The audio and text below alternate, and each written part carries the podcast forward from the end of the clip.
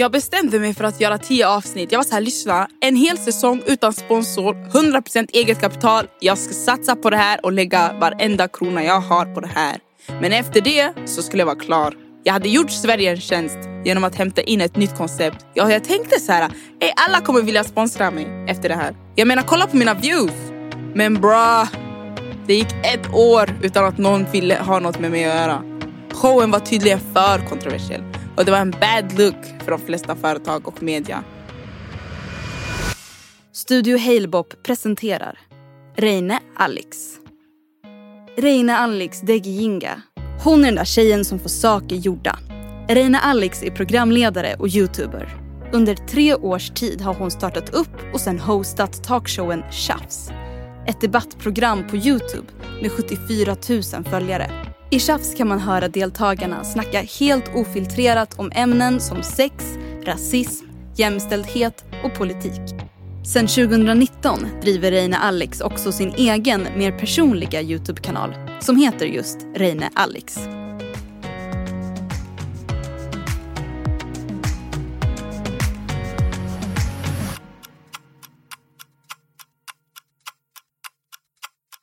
År 2017 var jag nu en 20-årig mogen tjej med mål. Mål ingen visste om, inte ens jag själv sanningen. Det enda jag kände var att det fanns något bättre planerat för mig istället för jobbet jag hade som elevassistent at the time. Jag älskade att jobba med barn men jag visste att det inte var min riktiga kallelse i livet. En månad tog det mig att fatta ett beslut. Ett beslut som skulle ändra på hela mitt liv. Jag bestämde mig för att starta min egna talkshow, Tjafs. Det fanns inte ens en riktig talkshow av unga för unga. Där alla får säga vad de vill. Och jag visste att jag måste starta den själv.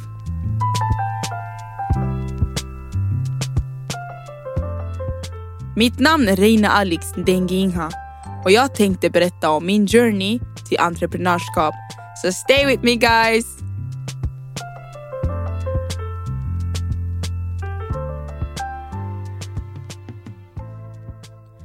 Burundi är verkligen där jag hör hemma. Min barndom, apart from school, var hur grym som helst guys.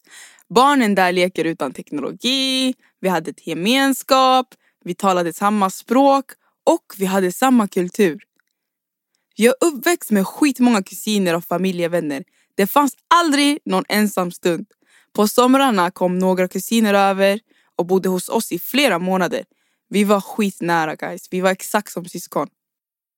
Vi hade en stor trädgård där vi körde en massa lekar. Vattenkrig i trädgården, volleyboll och så vidare. Sådana minnen stannar hos en hela livet. När man växer upp i ett jättefattigt land som Burundi blir man också väldigt ödmjuk. Man lär sig uppskatta saker på ett helt annat sätt. And for that I'm very grateful. Jag kan se en skitstor skillnad mellan oss som inte är födda i Sverige och de som är födda här.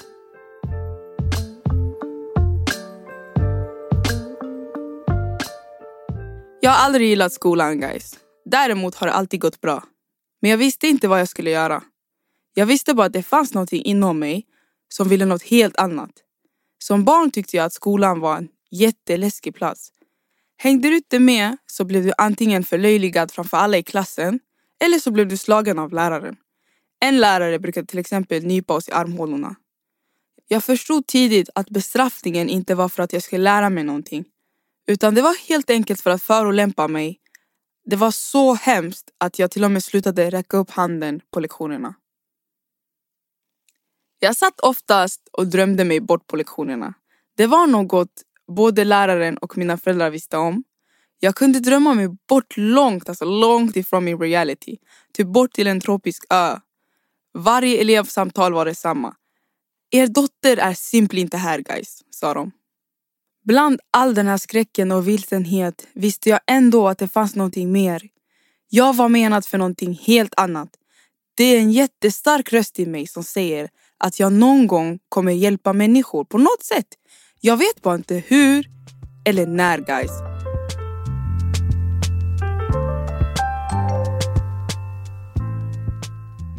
Alex, snälla gå till skolan och utbilda dig bara. Sluta slösa tid på en massa strunt och klagerjobb. Fattar du inte att vi kom till Sverige för att du ska få en bra utbildning och en trygg framtid? Fick jag ständigt höra hemifrån.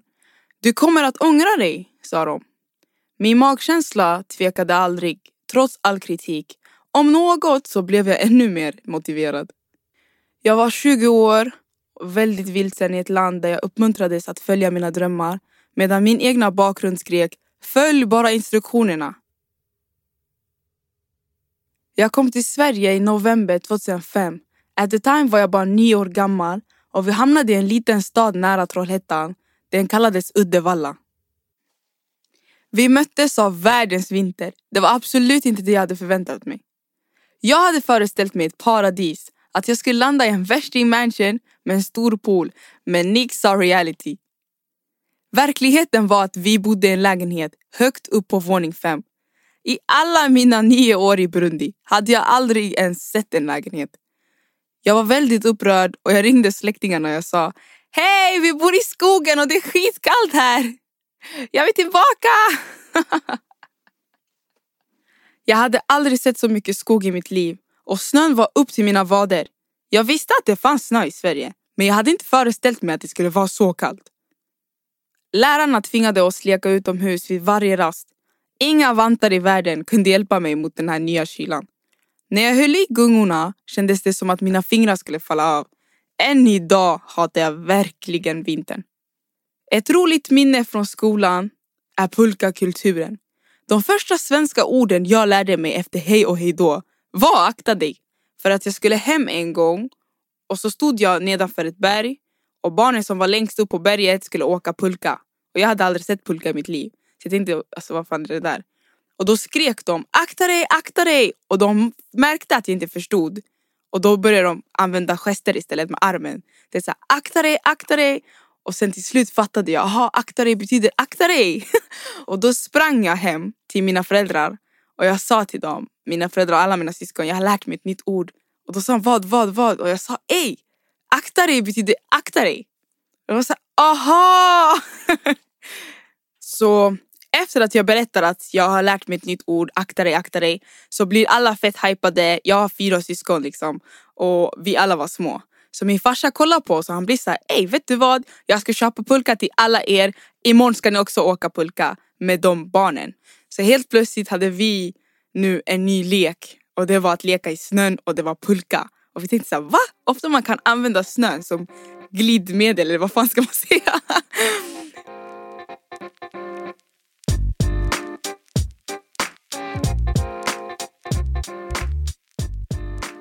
Det gick väldigt smooth för mig att komma in i samhället. Det var säkert på grund av att jag bara var nio år. I skolan blev jag väldigt omtyckt och jag hade många vänner trots språkbarriären. Den här glada och sociala sidan av mig har alltid funnits och jag tror att det är den folk känner. Alltså de, de kände den även när jag inte kunde språket. Den mörka sidan med Sverige är rasismen.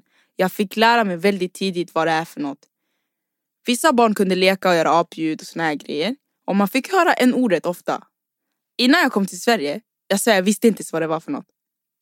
Det var en annan grej om jag hade aldrig varit i Afrika eller Burundi och någon sa ah, men ni bor ju i hyddor och såna här grejer. Då hade jag ändå tänkt shit, de kanske har rätt. Men nu eftersom jag var uppväxt i ett bra land så jag visste liksom nej, jag bor inte alls i hyddor. Ingen i Burundi hade lärt mig att svarta är förtryckta. För vi alla delade ju samma hudfärg. Än idag när folk är rasistiska vill jag bara skratta. För jag vet hur dumt och ignorant det är. Det slår mig inte ens lika hårt för jag vet ju vart jag kommer ifrån. Och att deras fördomar inte stämmer alls. Innan jag kom till Sverige så visste jag inte heller vad stress var för något. Om en person missar bussen eller tåget här och de får vänta i en kvart. Det är som att det är the end of the world. Men i Burundi, tanken där är mer såhär, it is what it is. Till typ alla stationer. Här i Sverige på tåget vill folk sitta ensamma på tomma platser. Om man har ögonkontakt med någon lite för länge, då är det så här, oh my god du är skum. Men i Burundi, alltså om en främling kommer på bussen med sina barn, de tar ett av deras barn och sätter det på ditt knä och de tar ett av deras barn och sätter det på deras knä och så åker vi. Vi alla hjälps åt oavsett om vi känner varandra eller inte. Vi har en gemenskap där och det är typ det jag saknar mest i Sverige. 2008, det var då vi lämnade Uddevalla och vi flyttade till Stockholm. Här fanns det ännu mer stress. Men vi älskar det. Min familj, alltså vi har alltid varit city people i Burundi. Jag tror fan inte att småstadslivet är vår grej alls. Vi hamnade i Upplandsbro. Det ligger fett långt från stan. Typ 30 minuter. Men det finns en communitykänsla där ändå, för alla känner alla. Det är inte som att växa upp på tunnelbanelinjen. Du vet. Här, du festar med exakt samma personer som du går i skolan med. Och det var så jag fick många vänner. För vi var alltid med varandra, det är inte som att man hade ett val. När jag började gymnasiet så kom jag in på en skola i Stadshagen. Det var första gången jag åkte till stan så ofta. Och där träffade jag folk från hela stan guys. Någon från Östermalm hade typ en hemmafest och där träffade jag någon från Bandhagen. Vad fan är Bandhagen? Den här skolan jag gick på var fett nice guys. Vi hade ett skitbra belöningssystem, alltså bättre än CSN. Om du aldrig fick F och du hade bra närvaro så fick du åka till Spanien varje år med alla. Hela skolan åkte. Vi hade aktiviteter, vi levde life. Ni som inte gick i min skola, så ni gick minus. Det här var för nice. Det här var verkligen mina bästa år i livet. Hands down.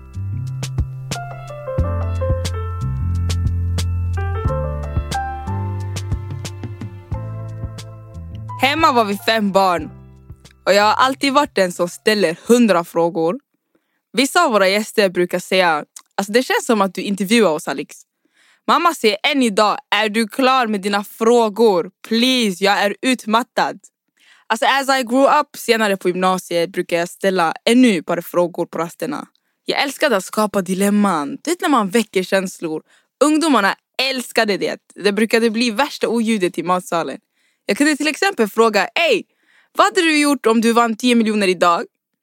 Beroende på vad de svarade så lyckas jag alltid hitta en ännu bättre följdfråga.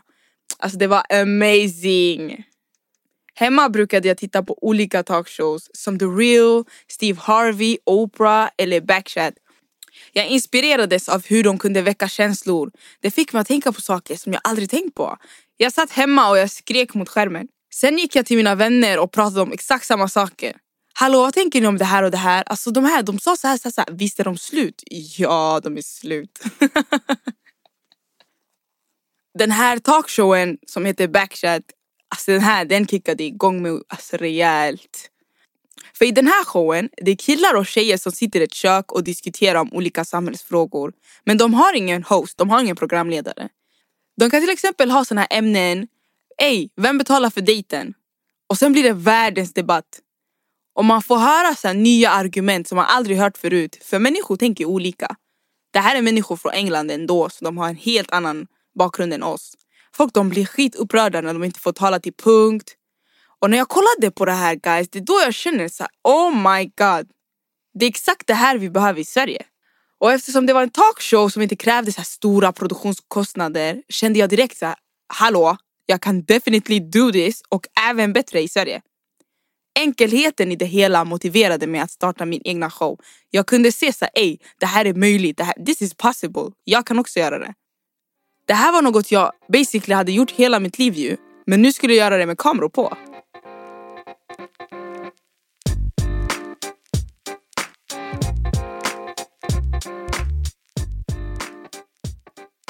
Jag ville verkligen skapa en ungdomsdebatt där unga med olika bakgrunder skulle få diskutera deras olikheter, där de skulle få debattera olika samhällsfrågor, där de äntligen skulle få deras röster hörda guys. I programmet lyfter vi upp många, många, många tabuämnen. Ämnen som vi verkligen sällan får prata om. Till exempel rasism, sex, homosexualitet och såna här grejer. Nämn ett annat program som bryr sig om vad ungdomar har i tankarna. I'll wait. Att gå efter denna dröm var för mig att utnyttja mina möjligheter. Något en unge i Brundi aldrig ens skulle kunna tänka sig göra. För att en sån här möjlighet finns ju inte där. Så första steget här var att hitta deltagare guys.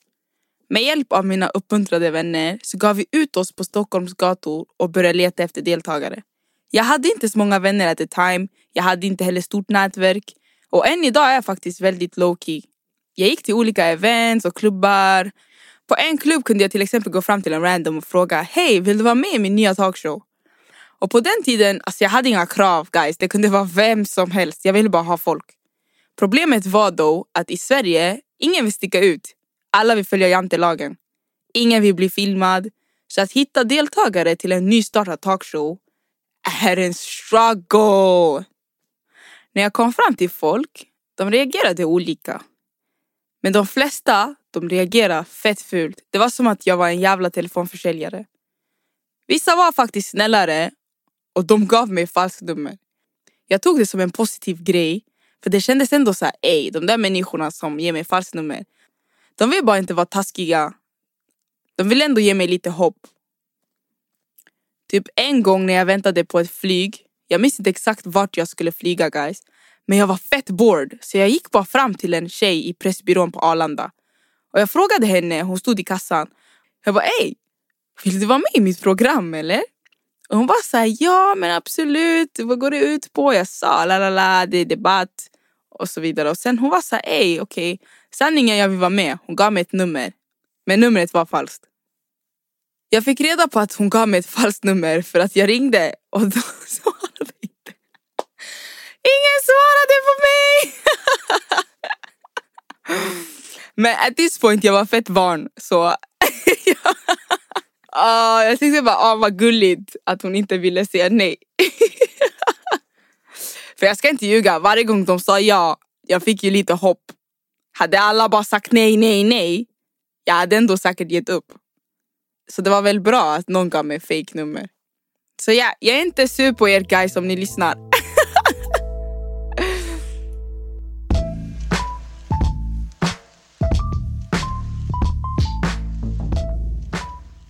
Men guys, sanningen, vissa taggade jag direkt. Typ det finns en kille, shoutout till dig foolish boy. You already know what it is. I alla fall, jag sa hej till honom randomly. Jag hade ingen aning vem han var, okej? Okay? Och det var faktiskt en komiker med flera sketcher på Instagram. Och han tackade ja direkt. Han var så här, ey! Oh my god, när ska vi göra det här? Wow, jag måste vara med. 100% I'm down. Va? Say no more. Han var faktiskt med i fyra avsnitt sen. Det här guys, det här var en spännande tid i mitt liv. Alltså jag brann så mycket för det här. Jag kunde inte sova vissa nätter. Jag jobbade dubbla skift, jag hade tre olika jobb för att betala min produktion. För ni vet, det kostar jättemycket att anställa folk som ska filma och göra ljud och såna här grejer. Så jag jobbade som elevassistent på en skola, jag jobbade på bensinmack och jag jobbade i ett kyllager. Allting samtidigt. Det var på station 7, en fritidsgård som allt startade. Shoutout till er som lät oss filma där efter stängning. Ett stort problem var att det inte fanns några tjejer som ville ställa upp. De flesta var så här, vi kommer om det var vanlig podd, men inte om det ska vara video. Jag orkar inte ha mitt ansikte över hela nätet. Så jag sa, vad fan. Men mina sköna tjejkompisar, sanning de var med. De var med för att hjälpa mig. Så de sa till mig, Alex, vet du vad? Vi kommer ställa upp tills du får deltagare. Shoutout till alla mina vänner som hjälpte mig. Ni vet vilka ni är. Ni är angels for real. Det här rummet som vi spelade in på station 7, det såg ut som ett vardagsrum. Jag ville skapa en chill miljö där folk kunde vara avslappnade och ge deras ärliga åsikter bara. Det skulle bara vara ungdomar som sitter och diskuterar om life i ett vardagsrum. Oj, oj, oj, jag loggade in på Facebook i olika mediagrupper för att hitta kamera och ljudpeople. För jag visste ju ingenting från, alltså jag kände ju inga människor från den världen. Så första gången vi filmade, alltså det var fett stressfullt. Det var svårt att ens få alla att komma i tid och ta projektet på allvar. Att jobba med ungdomar när man själv är ungdom, det är skitsvårt. Speciellt nu när de flesta var äldre än mig. När jag sa så här, okej, okay, nu går vi vidare med inspelningen. Så höjde de deras röster över min. Det var första gången för många av oss att ens vara med i tv. Så vi hade skitmånga takes. Alltså vi gjorde tagningar efter tagningar. Upp till typ 30 skulle jag säga. Filmningen och redigerandet tog längre tid än förväntat ibland typ så här att man missade deadlines när man skulle släppa vissa avsnitt. Så fick jag skitmycket skit från mina tittare som var så här, Hallå, var är avsnitten? Du lurade oss. Du sa att det skulle komma på onsdag klockan nio. Men nu är det redan elva och vi hittar ingenting. Alltså det var sån här grejer. Huvudvärk skulle jag säga. Jag hade ingen assistent. Jag valde ämnen, jag valde deltagare, jag öppnade lokalen och efteråt fick jag köra hem vissa för tåget hade gått. Oh my god. Och sen var det flera timmar i redigeringen. Men det som motiverade mig mest här var ändå tanken att alla börjar på botten. Someday kommer jag ha min egna personal och det kommer inte alltid se ut så här Alex. Det var så jag tänkte hela tiden. Keep your head up. Ooh, ciao. Jag älskar Tupac.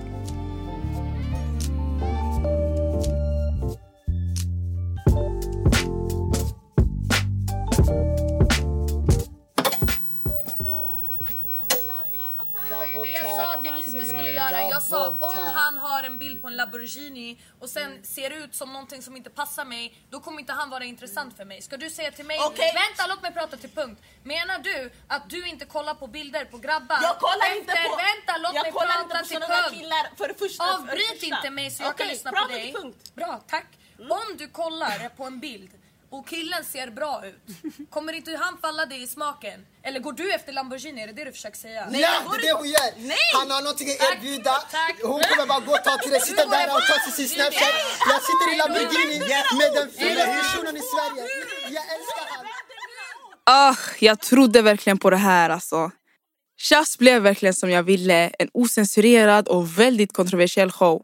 Och just därför visste jag att den skulle göra succé i den här PK-världen vi lever i. Vad menar jag med PK? Jo, det är ju känslan att vi inte får säga vad vi vill. Vi får inte prata om någonting. Vi får inte ta upp känsliga ämnen. Alla ska hålla med varandra hela tiden. Och jag tycker bara att det är dödstråkigt. Boring! Det fanns en grov efterfrågan och det var precis det jag använde mig av. Boom! Alltså guys, så fort vi släppte första videon på Youtube, den trendade. Tjafs blev det nya snacket i allas hushåll. Tåg, alla gruppchatter. Vi tog över hela Sverige bara efter andra avsnittet. No cap. Bara dagen efter vi hade lagt upp första avsnittet så var det så många views. Alla var i chock, hela min familj skrek. Andra avsnittet ännu fler och då, alltså det var där min mail gick sönder. Alla ville helt plötsligt vara med. Min jakt efter deltagare ute i Stockholm, den behövdes inte längre. Nu folk ansökte till mig. Mina notiser gick loss. Och det var då jag insåg, damn, tjafsen är verkligen stor. Från Kiruna till Malmö, folk ansökte höger, vänster. För att välja ut deltagare började jag till och med hålla gruppintervjuer. Precis som när man ska ansöka till ett deltidsjobb guys. Det var sån där aura. Jag ville ha människor med alla möjliga erfarenheter. Men det fanns också haters, jag ska inte ljuga. Vissa claimade att vi normaliserade rasistiska idéer om folk i orten. Men det de inte fattade var ju att vi hade valt att uttrycka oss så här. Vi hade valt att vara med i TV. Det var for us, by us. Det var inte någon som hade mutat oss för att bete oss så här. Och sen också, det är inte som att jag skapade programmet och tänkte ja men det här ska vara för alla, alla ska älska tjafs. Bara för att folk inte gillar det, alltså bara för att några inte gillar det, betyder inte att det här inte ska få finnas. Vi är här för folk som vill kolla på oss och lyssna på oss. Jag bestämde mig för att göra tio avsnitt. Jag var så här, lyssna, en hel säsong utan sponsor, 100% eget kapital. Jag ska satsa på det här och lägga varenda krona jag har på det här. Men efter det så skulle jag vara klar. Jag hade gjort Sverige en tjänst genom att hämta in ett nytt koncept. Ja, jag tänkte så här, "Ey, alla kommer vilja sponsra mig efter det här. Jag menar, kolla på mina views. Det är väl views som räknas, eller? Men bra, det gick ett år utan att någon ville ha något med mig att göra. Showen var tydligen för kontroversiell och det var en bad look för de flesta företag och media. Det var en kanal som var intresserad men de sa så här, ej, det behövs mer mångfald. Men jag hade ju mångfald. En eritrean, en gambian och en somalier. Är inte det mångfald? För de räknas det tydligen inte som mångfald. För we, we all the same basically. De ville basically ha mer vita människor i programmet. Men för mig det där är inte mångfald. Det är inte ens så Sverige ser ut idag. De ringde och sa typ såhär, ey, vi vill göra en rip-off av programmet med mer mångfald. Men vi vill inte ha dig som host, utan vi vill att du ska hjälpa oss casta. Vem fan gör så? Såklart jag sa nej. Efter ett år utan spons så var det en tjej, hon var 16, hon hette Mirelle. Shoutout till dig Mirelle. Hon var ett fan till programmet och hon själv skrev till Via Free och bad dem sponsra tjafs. Och här hände det sjuka. De gav mig en chans. De sa till henne, kom på möte. Och hon var såhär, va? Det är inte ens min show. Men ta kontakt med Reine Alex. Jag gick och boom, vi hade en deal. Efter bara en säsong hos dem så blev showen nominerad i två olika kategorier till Kristallen som ett tv-pris. Det här var för mig en skitstor vinst guys. Alltså det här var ett stort håll käften till alla som någonsin tvekat på konceptet. Jag tänkte så här, ey, alla som gav mig falskt nummer. typ alla som sa nej.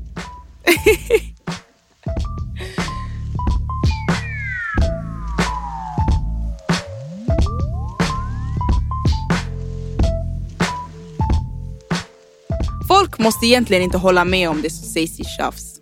Men det viktigaste här är att alla känner att deras åsikter spelar roll. Att någon där ute är villig att lyssna på dem. Att samtalet och diskussionerna ändå fortsätter och att ungdomar inte tystnar. Jag startade Tjafs 2017 som ett program av unga för unga. Än idag finns det inget annat stort debattprogram för unga. Och för mig bevisar just det som jag misstänkte från början. Ingen bryr sig om våra åsikter. Jag vill bara uppmuntra alla att lyssna på varandra, speciellt ungdomarna. För att de är Sveriges framtid. Med all kaos som pågår nu i världen behöver vi ändå en plats där vi kan uttrycka oss. Idag är jag 23 år gammal och jag vet fortfarande inte hur det kommer gå för mig. Men det är okej. Okay. Ibland är det okej okay att inte veta allt. Den där kritikrösten hantar mig ändå fortfarande varje gång saker inte går som planerat för mig. Den påminner mig om att jag valde att ha en risky väg som entreprenör. Men jag kan ärligt säga att jag inte har ångest för det. Liksom när jag var liten och jag satt i skolan, jag visste inte vart jag skulle. Men det jag alltid visste var att jag skulle någonstans great. Efter allt det här, det som jag tycker är viktigt, det är att tro på sig själv. Så att man inte lever i så här what if, what if ångest. Idag tvekar jag fortfarande. Men hellre en liten tvek än en stor tvek. Alltså guys, livet är för kort på gud alltså för att du inte ska testa nya saker. Sluta tveka, lita på dig själv. Magkänslan ljuger aldrig.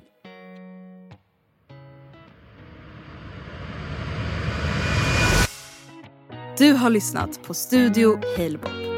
En podd som produceras av produktionsbolaget Soundtelling.